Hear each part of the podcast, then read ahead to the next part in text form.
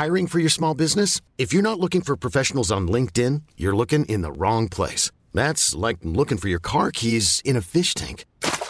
LinkedIn helps you hire professionals you can't find anywhere else, even those who aren't actively searching for a new job but might be open to the perfect role. In a given month, over 70% of LinkedIn users don't even visit other leading job sites. So start looking in the right place. With LinkedIn, you can hire professionals like a professional. Post your free job on linkedin.com slash achieve today.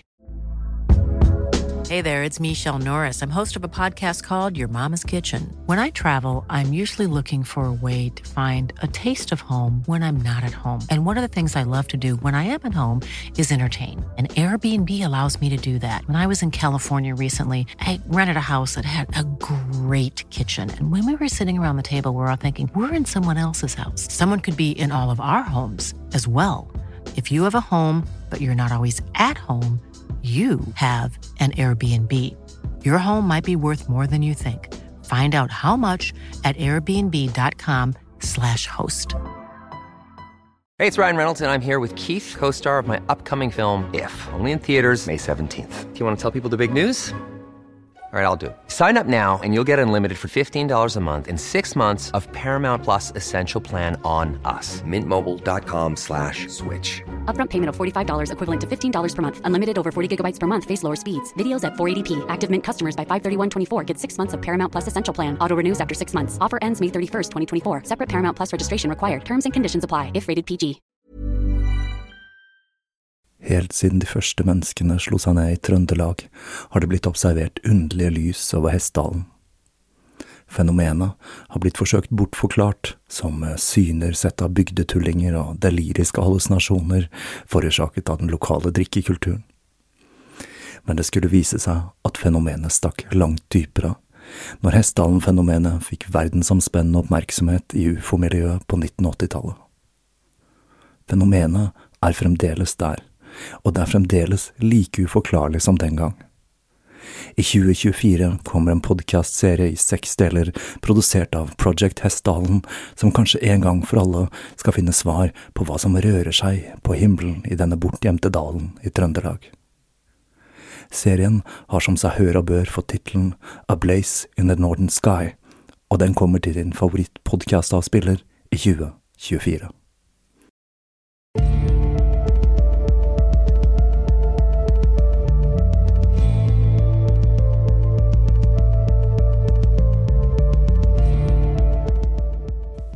Hei og velkommen til Tåkeprat.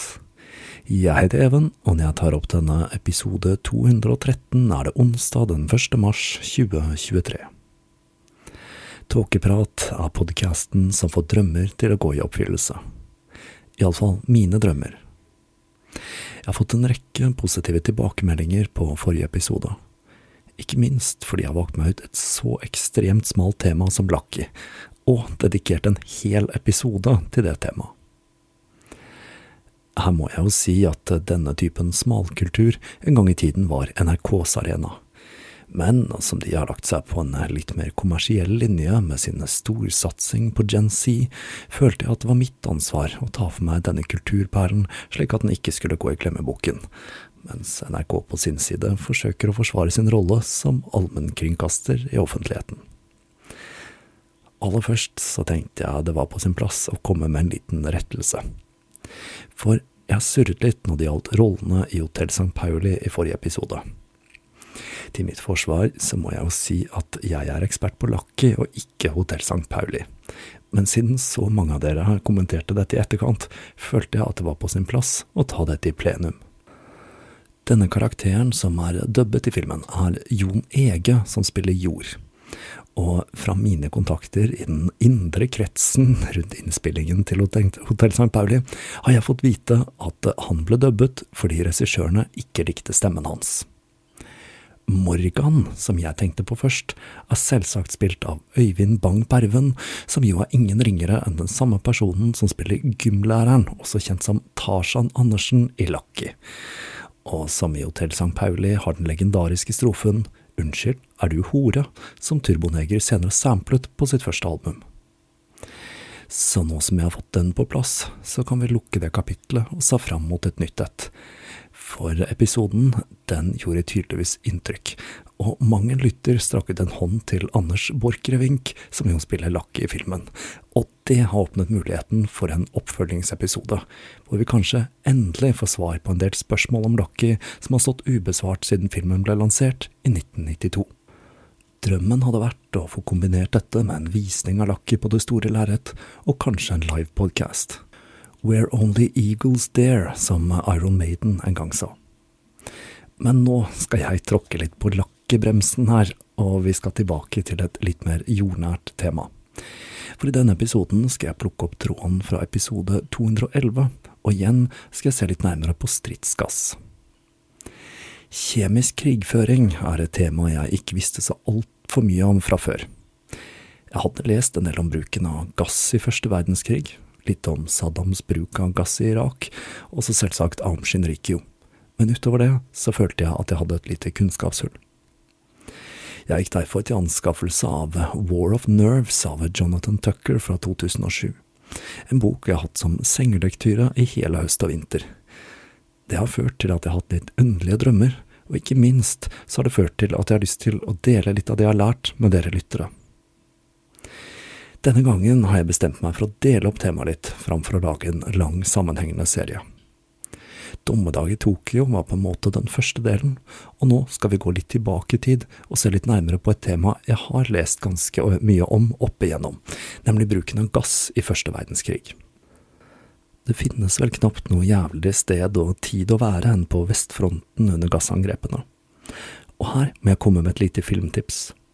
Filmatiseringen av All Quiet on the Western Front, som kom i fjor, og som er tilgjengelig på Netflix, er en av de bedre første verdenskrig-filmene jeg har sett, og den anbefales om du har lyst til å kjenne enda mer på godstemningen fra skyttergravene.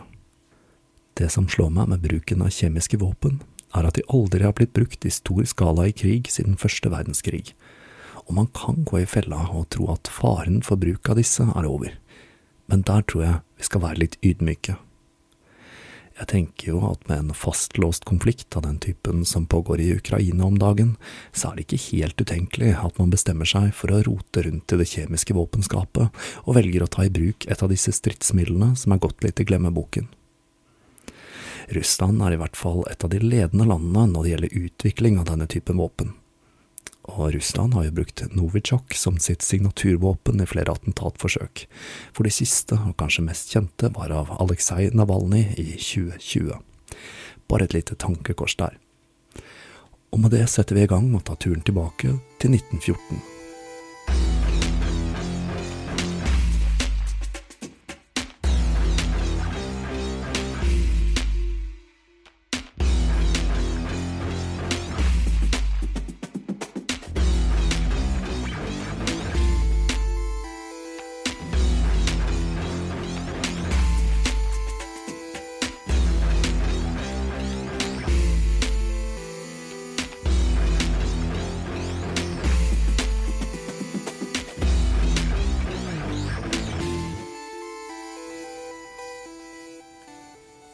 senhøsten 1914 lå troppene i skyttergraven på vestfronten ved den belgiske byen Ypres.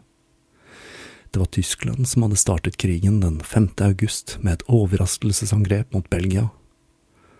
Målet var Frankrike, og til å begynne med hadde alt gått etter planen. Men i september, når den tyske armeen var fem mil fra Paris, ble de stoppet i maren av franske og engelske tropper.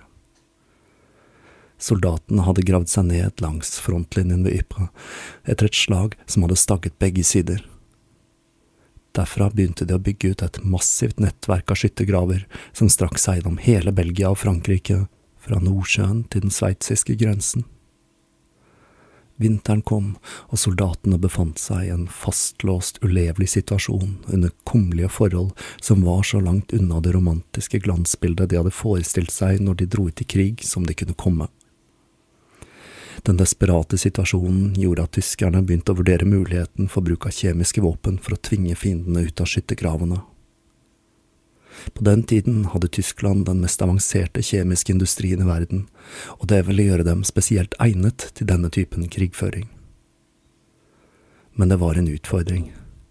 De hadde nemlig skrevet under på en avtale som forbød bruken av ammunisjon med kvelende og giftige gasser, og i tillegg var det et tabu mot bruk av gift i krig. Det ble sett på som et våpen som ble brukt av svake som ikke var i stand til å kjempe på skikkelig vis, det vil si mann mot mann. Dette var jo den første mekaniserte krigen, og det skulle ta ganske lang tid før alle de stridende partene innså at dette var en ny type krig som var ganske annerledes enn den type krigføring man hadde sett tidligere. Et veldig godt eksempel på dette er Frankrike, som tviholdt på den gamle uniformstypen sin, med knallrøde bukser og strutsefjær i hjelmene. Selv om konservative krefter fant tanken på å skifte ut uniformen som hadde tjent dem så godt under napoleonskrigene helt avskyelig, skjønte man etter hvert at det å gå rundt kledd som en blink var ikke helt optimalt i en skyttergravskrig. Motstanden mot bruk av gift i krig er veldig gammel.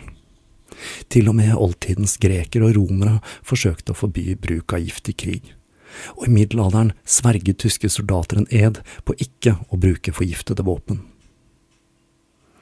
Den første traktaten som forbød bruk av forgiftede kuler, ble undertegnet av Frankrike og Tyskland i Strasbourg i 1675.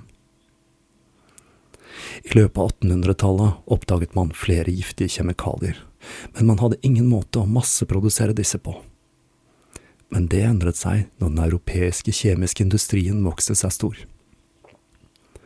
Dette førte naturlig nok til bekymring, og det ble skrevet flere avtaler som skulle hindre produksjon og spredning av kjemiske våpen. I 1863 lanserte USA retningslinjer som forbød forgiftning av mat, brønner og våpen. I 1875 ble Brussel-deklarasjonen undertegnet av 14 europeiske land, og denne forbød bruk av gift, gass og kvelende substanser, men den ble aldri ratifisert. I 1899, under den internasjonale fredskonferansen i Haag, skrev 26 land under på den første Haag-konvensjonen, som forbød gift og giftige våpen i krig, i tillegg til forgifting av mat, brønner osv. Men Haag virket langt unna i skyttergravene utenfor Ypres mot slutten av 1914. Alle motforestillinger man hadde hatt, virket fjerne i helvete langs vestfronten, og presset for å bryte gjennom linjene ble stadig sterkere på den tyske siden. Den tyske overkommandoen hadde en litt sprek tolkning av Haag-konvensjonen. Den spesifiserte nemlig at det var kun forbudt med gass i prosjektiler som var konstruert ene og alene for å spre gass, og det regnet heller ikke ikke-dødelige gasser som tåregass som dekket av konvensjonen. Det var faktisk Frankrike som var først ute med å bruke tåregass i krigen. Allerede i august 1914, i den første måneden av krigen, gjorde de det, men gassbruken hadde liten strategisk betydning. Tyskland på sin side begynte å pønske ut en måte de kunne unngå smutthullene i traktaten på, og de utviklet et prosjektil med diancidin-klorsulfat, som er en lungeirritant. Dette prosjektilet hadde den egenskapen at i tillegg til å spre gass, spredte den splinter, slik at de hadde to funksjoner, og på den måten omgikk Haag-konvensjonen. I 1914 fyrte tyskerne av 3000 av disse prosjektilene mot den britiske linjen.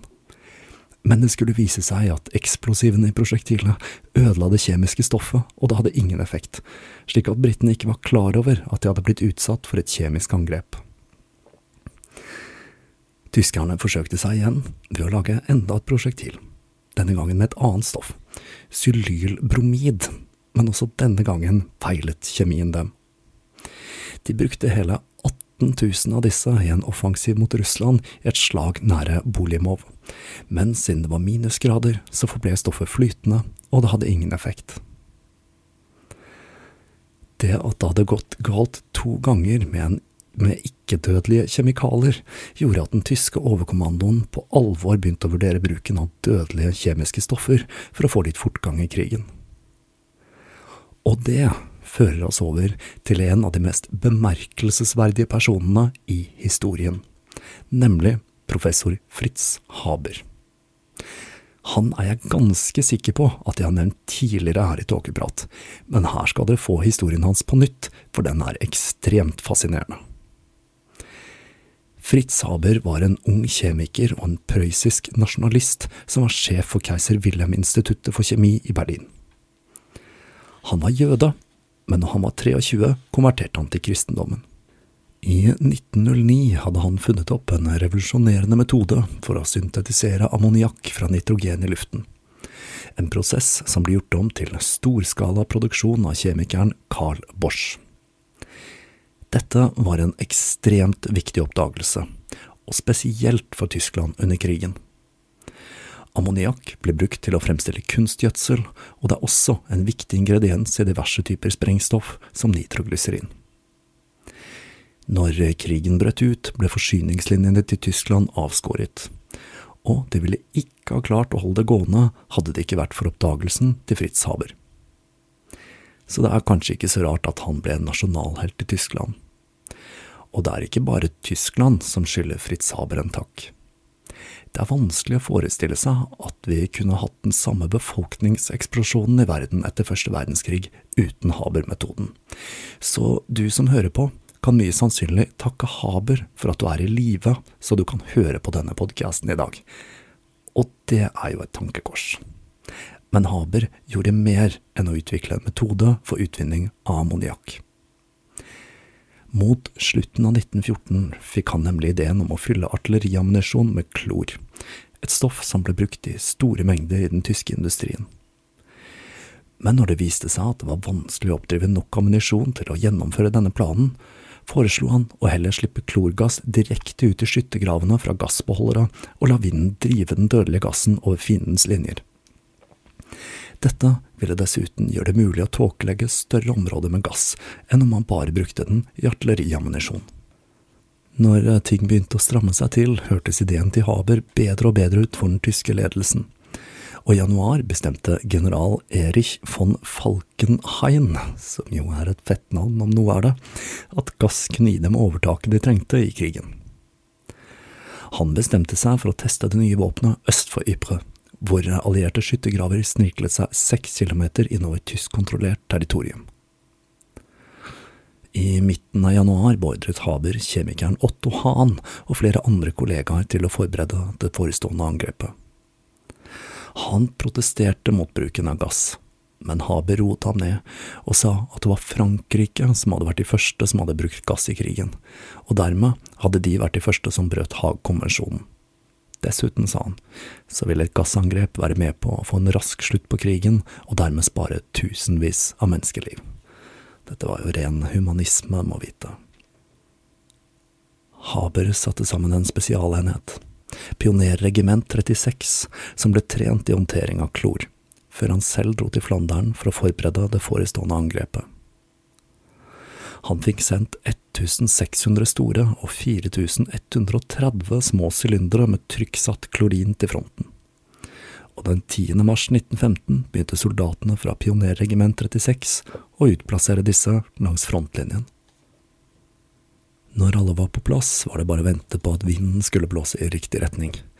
Men som vi husker fra historien om ørnen, så er det ikke alltid vinden blåser den veien man ønsker. Det tok faktisk mer enn tre uker før vinden skiftet retning og det begynte å blåse fra nordøst. Det skjedde om ettermiddagen torsdag den 22. april. Det var en fin og stille kveld i Ypres. De franske og algeriske soldatene nøt ettermiddagssolen under en skyfri himmel. En lett bris blåste bort stanken av død og gjorde luften i skyttergravene lettere. Men plutselig ble den fredfulle stemningen avbrutt av et bombardement fra det tyske artilleriet. De allierte soldatene søkte tilflukt, og når bombardementet stoppet klokka 17.00, ble det skutt opp røde signalraketter fra tysk side, og en illevarslende stillhet la seg over ingenmannsland. Det røde nødblusset var signalet de tyske soldatene ventet på. 5730 beholdere med klorin ble åpnet samtidig, og med en hvesende lyd spyttet beholderen ut en gass som ble hvit straks den kom i kontakt med luft. Hele 186 tonn med klorin ble sluppet utover frontlinjen, og skyen som drev sakte mot de alliertes linjer, begynte etter hvert å få en gulgrønn farge som ble lysere mot toppen ti meter over bakken. De franske soldatene trodde at dette dreide seg om et røykteppe som var tenkt å kamuflere et stormangrep fra tysk side, og de beordret soldatene sine opp på stigene slik at de var klare til å stå imot det kommende angrepet. Men alt soldatene kunne se, var den bølgende veggen av tåke som kom nærmere og nærmere, og alt de hørte var en illevarslende stillhet. Spenningen i luften var til å ta og føle på, mens soldatene stirret inn i tåken for å forsøke å få et glimt av skyggene til de angripende soldatene. Når tåken begynte å nærme seg, merket de en stikkende lukt, og like etter begynte det å svi i halsen og øynene, og de fikk en metallisk smak i munnen. Like etter var de innhyllet i tåken, og de kunne ikke lenger se verden rundt seg. Klorinen blindet dem, etset luftveiene og førte til kvalme, hoste, hodepine og stikkende smerter i brystet, mens alt metall de hadde på seg, raskt korroderte i dampen. Når gasskyen la seg over de allierte skyttergravene, satte de tyske soldatene i gang et artilleriangrep. De allierte soldatene forsøkte først å skyte tilbake i blinde, men de ble raskt grepet av panikk og slapp hva enn de hadde i hendene og flyktet hals over hodet. Angrepet hadde klart å lage en seks kilometer stor åpning i den allierte frontlinjen, og 10 000 mann hadde blitt satt ut av spill av den tyske gasskyen. Mer enn 600 franske og algeriske soldater lå igjen i skyttergravene, enten døde eller blindet av klorgassen. Noen hadde klart å ta seg til sanitetsstasjonen, men der kunne If you're looking for plump lips that last, you need to know about Juvederm lip fillers. With Juvederm Volbella XC and Juvederm Ultra XC, your lip look, whether it's subtle or bold, can last up to one full year with optimal treatment and no additional maintenance. Find a licensed specialist and see if it's right for you at juvederm.com today. That's J U V E D E R M.com. Add fullness to lips in adults over 21 with Juvederm Volbella XC or Juvederm Ultra XC. Do not use if you have severe allergies or a history of severe allergic reactions, or if you're allergic to lidocaine or the proteins used in Juvederm. Tell your doctor if you have a history of scarring or taking medicines that decrease the body's immune response or that can prolong bleeding. Common side effects include injection site redness, swelling, pain, tenderness, firmness, lumps, bumps, bruising, discoloration, or itching. As with all fillers, there's a rare risk of unintentional injection into a blood vessel, which can cause vision abnormalities, blindness, stroke, temporary scabs, or scarring. For full important safety information, visit juvederm.com.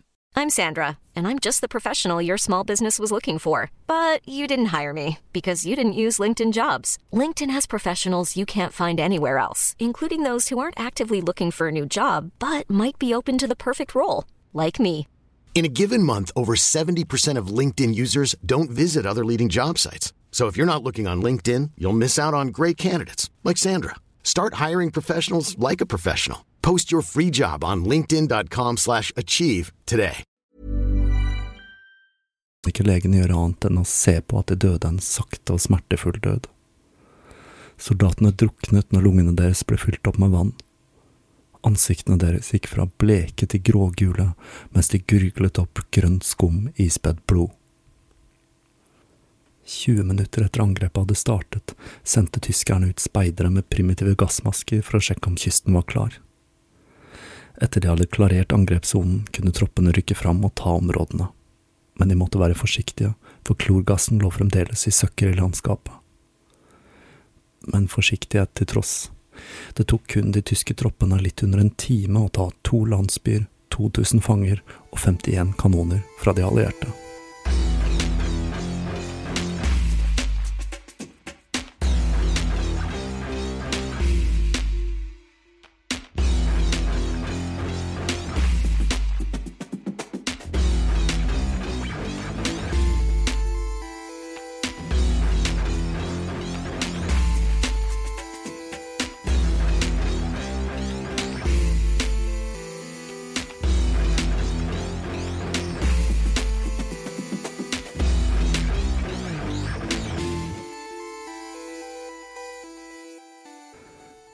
Det så bedre enn de aller fleste hadde sett for seg i sine villeste fantasier.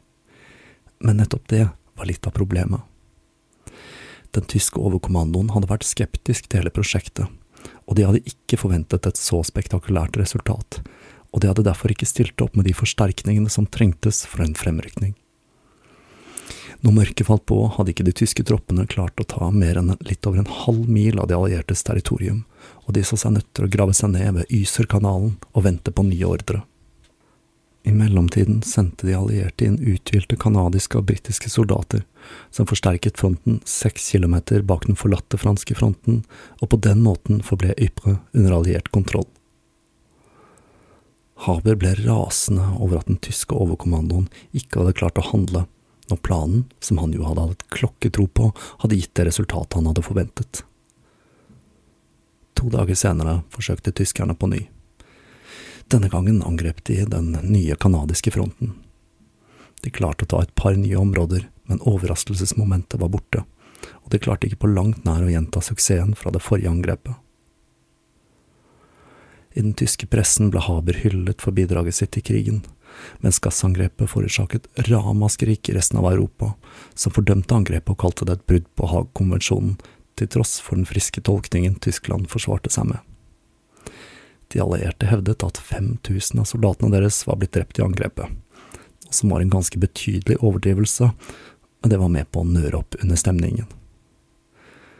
Tyskland på sin side sa jo at dette ikke var et brudd på Haag-konvensjonen slik de påsto, fordi de ikke hadde brukt ammunisjon fylt med gass, og de sa at det ikke sto noe i konvensjonen om gass sluppet ut av sylindere. På hjemmefronten skulle Habers handlinger få tragiske konsekvenser. Kona hans Klara var også en kjemiker. Hun var faktisk den første kvinnen som hadde blitt doktor i kjemi ved universitetet i Breslau, men hun var alt annet enn fornøyd med sin manns bruk av faget. Klara hadde måttet gi opp karrieren sin og bli husmor for å støtte sin mann, og dette var en tilværelse hun ikke var spesielt lykkelig i. I tillegg var hun pasifist, og hun var jo mildt sagt ikke begeistret for sin manns engasjement i krigen. Når Habe kom tilbake til Berlin fra fronten, konfronterte hun ham med angrepet ved Ypres. Hun sa at hun ble skremt av at han hadde vært med på å utvikle kjemiske våpen, og kalte dette en grotesk perversjon av vitenskap. Haber på sin side var ikke helt fornøyd med sin kones syn på saken, og de hadde en stor krangel. Senere den kvelden, i sorg og fortvilelse, hentet Klara sin manns tjenesterevolver og skjøt seg selv gjennom hjertet. Historien om Fritz Haber er altså en svært så komplisert og dramatisk en, og bør jo kanskje være et lite tankekors i disse tider hvor omskriving av historien er blitt så populært. Virkeligheten er ofte komplisert, og sjelden svart-hvitt. Etter slaget ved Ypres var tabuet mot bruk av gass brutt. England begynte å opprette sine egne kjemiske krigføringsdivisjoner ledet av oberstløytnant Charles Folk, og soldatene hans ble satt i verk den 24. september 1915, når soldatene hans utplasserte 5500 beholdere med klor langs et fire mil langt stykke av fronten utenfor den belgiske byen Los. 05.20 den neste morgenen åpnet de ventilene på beholderne og skjøt opp røykgranater mens de gjorde seg klare for et stormangrep. Men så var det denne vinden, da. Den snudde, og gassen blåste tilbake på engelskmennene, noe som førte til flere engelske tap enn tyske den dagen.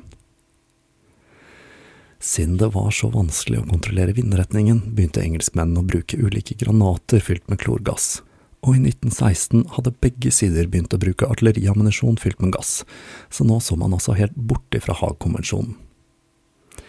Mens krigen fortsatte å rase, begynte begge sider også å utvikle forsvar mot dette nye våpenet. Det første utstyret de allierte delte ut, var motorsykkelbriller og bomull soldatene fikk beskjed om å dynke i urin, for så å holde foran munn og nese når de ble gassa. Dette var en metode som raskt ble oppdatert med en ny teknikk, hvor man satte inn lommetørklær med natron. Men etter hvert fikk de jo gassmasker, og det er få ting som ser så fett ut som gassmasker fra første verdenskrig. Jeg tror jeg har nevnt det tidligere, men jeg hadde en original sovjetisk gassmaske fra andre verdenskrig. Den kan dere se på en av illustrasjonene til en av episodene i Den usynlige fienden-serien. Den måtte jeg kaste, og grunnen til det er at en lytter gjorde meg oppmerksom på at den typen gassmaske inneholder asbest. For ordens skyld så må jeg også nevne at jeg har fått meg en ny gassmaske uten asbest i ettertid, så jeg er sikret mot et eventuelt gassangrep.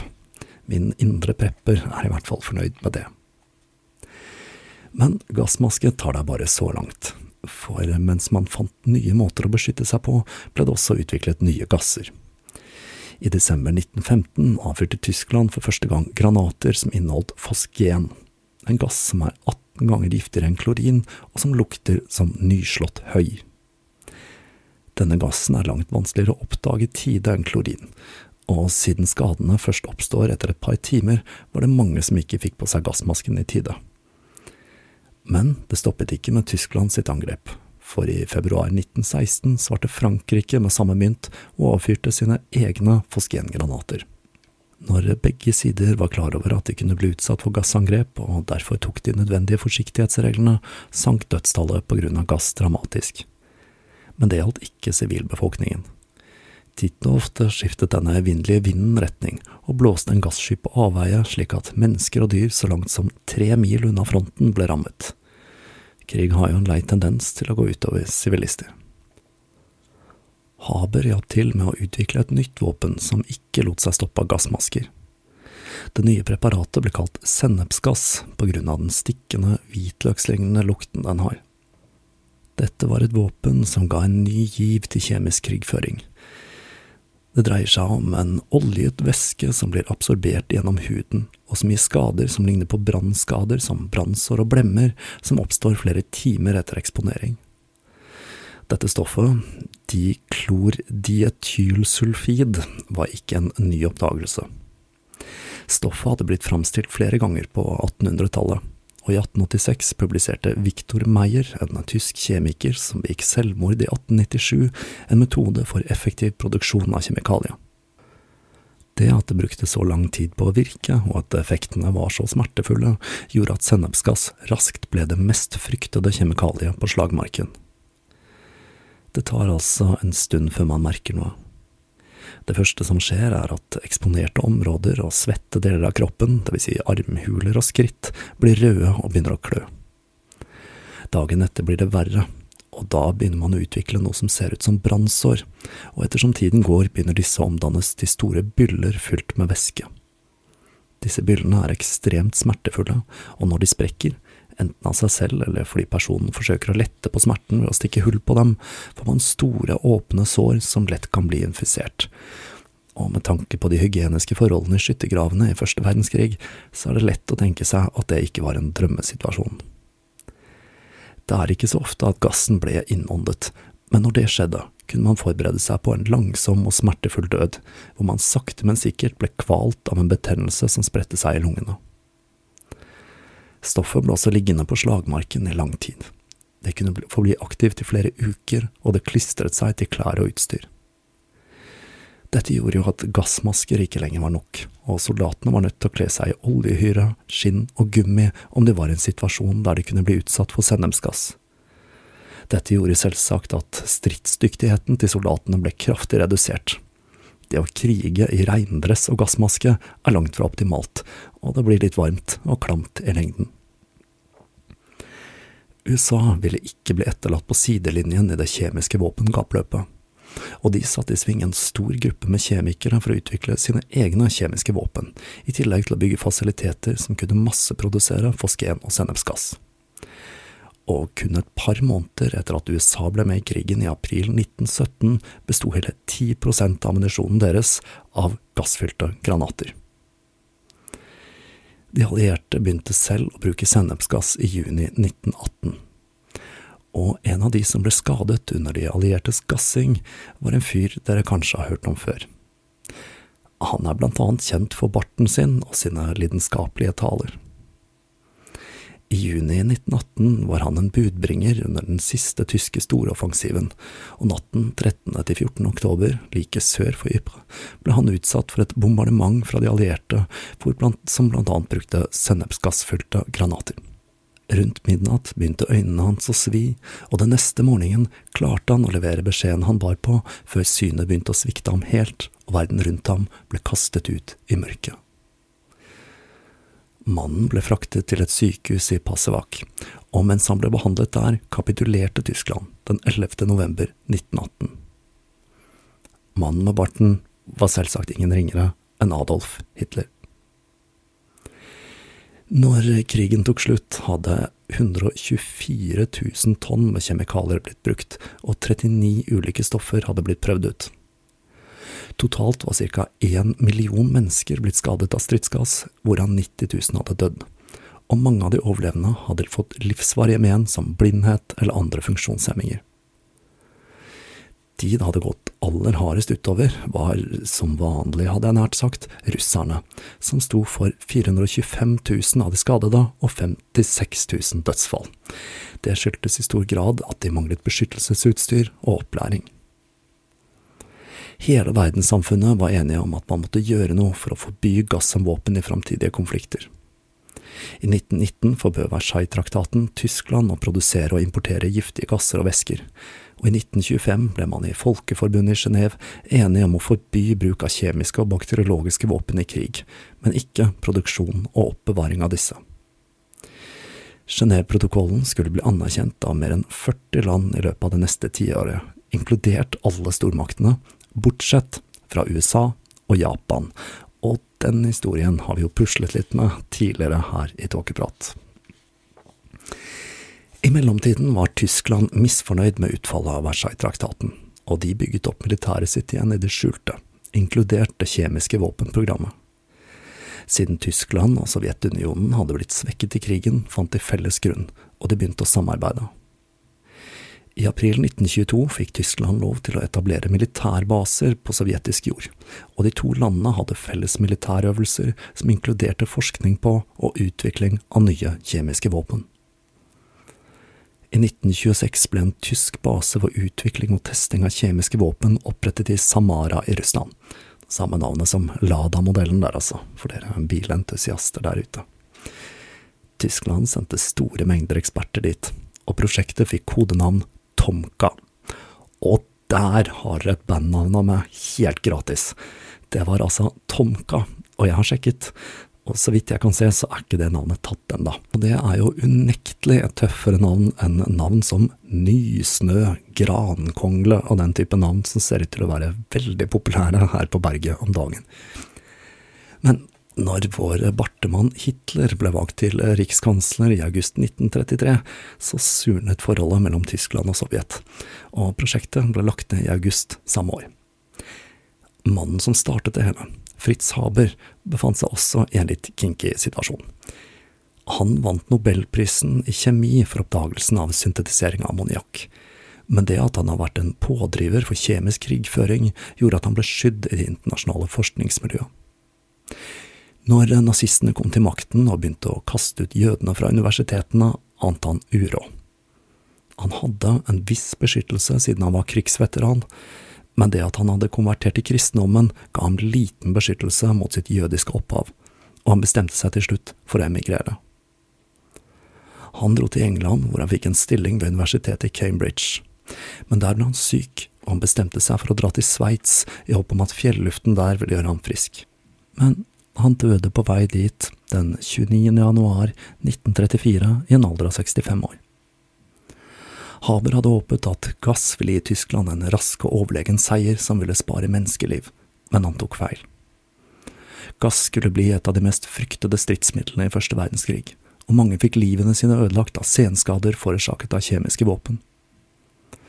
Når de involverte landene så hva de kjemiske våpnene kunne utrette, så hadde ingen annen mulighet enn å utvikle og masseprodusere disse, i håp om at et stort lager ville avskrekke fienden fra å bruke disse våpnene mot dem men klorgass, fosgen og sennepsgass var bare begynnelsen. Når en ny verdenskrig var like om hjørnet, begynte utviklingen av et nytt, mer skremmende og langt mer effektivt kjemisk våpen å ta form – nervegass.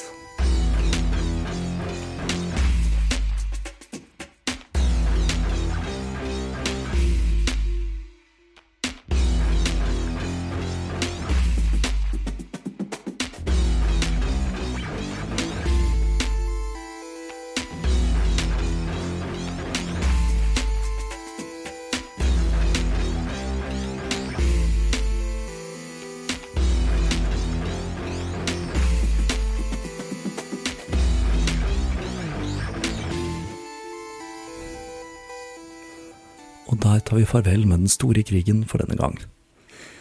Jeg føler at jeg har kommet så godt i gang her at det er mulig vi må hoppe rett inn i nervegassens historie allerede i neste episode. Vi får se.